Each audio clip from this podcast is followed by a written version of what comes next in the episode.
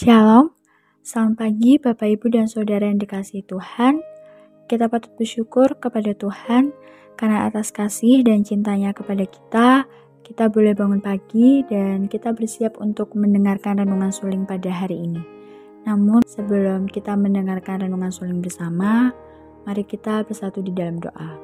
Selamat pagi Bapak yang baik, terima kasih untuk berkatmu, terima kasih untuk cintamu dan kasihmu yang selalu engkau berikan kepada kami setiap harinya. Kami bersyukur karena kami boleh bangun pagi dan kami akan mendengarkan renungan suling pada hari ini.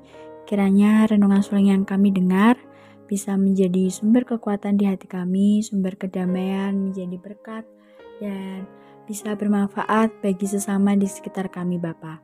Terima kasih Bapak yang baik, ampuni segala dosa dan kesalahan kami Bapa. Hanya di dalam namu saja kami telah berdoa dan mengucap syukur. Haleluya, amin. Baik, Bapak, Ibu, dan Saudara, renungan suling pada hari ini, tanggal 23 Maret 2022, berjudul Bermula dari sebuah pelita. Terambil di dalam kitab Matius 5 ayatnya yang ke-13 sampai dengan 16. Di dalam kitab Matius 5 ayat 16, firman Tuhan berkata, Demikianlah hendaknya terangmu bercahaya di depan orang, supaya mereka melihat perbuatanmu yang baik dan memuliakan Bapamu yang di surga. Sebuah pepatah kuno mengatakan, Sejuta pelita dapat dinyalakan dari sebuah pelita, tanpa sedikit pun meredupkan nyala pelita pertama. Pepatah ini mengajarkan bahwa nyala api di dalam sebuah pelita tidak akan pernah habis terbagi. Lebih jauh, gambaran pelita itu menyeratkan sebuah manfaat dari sebuah pelita yang menyala.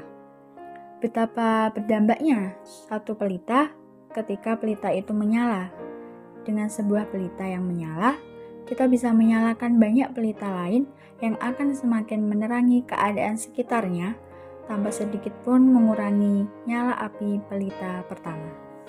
Pengalaman yang sama juga Yesus gambarkan bagi kehidupan kita, orang-orang yang percaya kepada Yesus.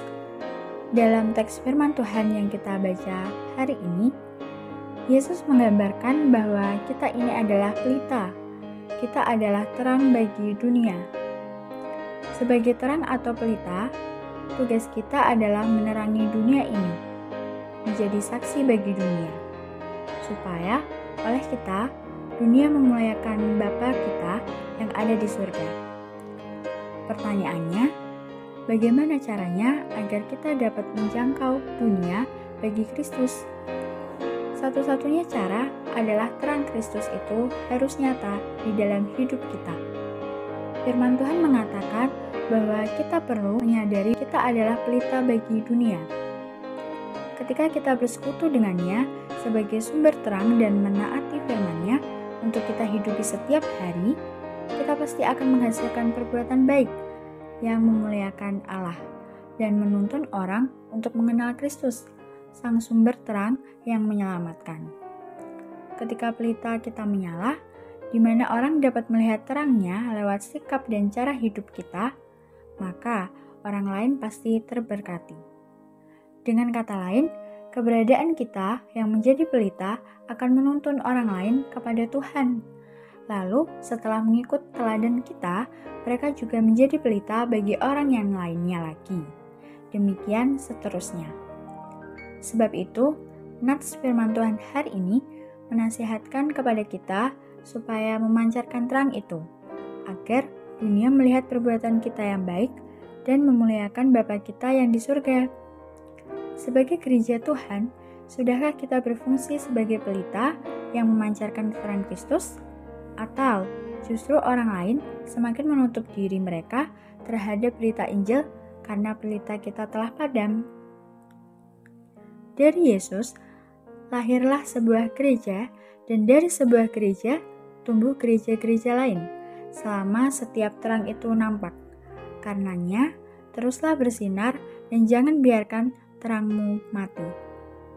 Baik, Bapak, Ibu, dan Saudara, pokok doa pada hari ini kita berdoa untuk anak-anak kita yang bersekolah dari TK sampai dengan perguruan tinggi di dalam proses belajar online agar mereka tetap berhasil dan memiliki masa depan yang baik.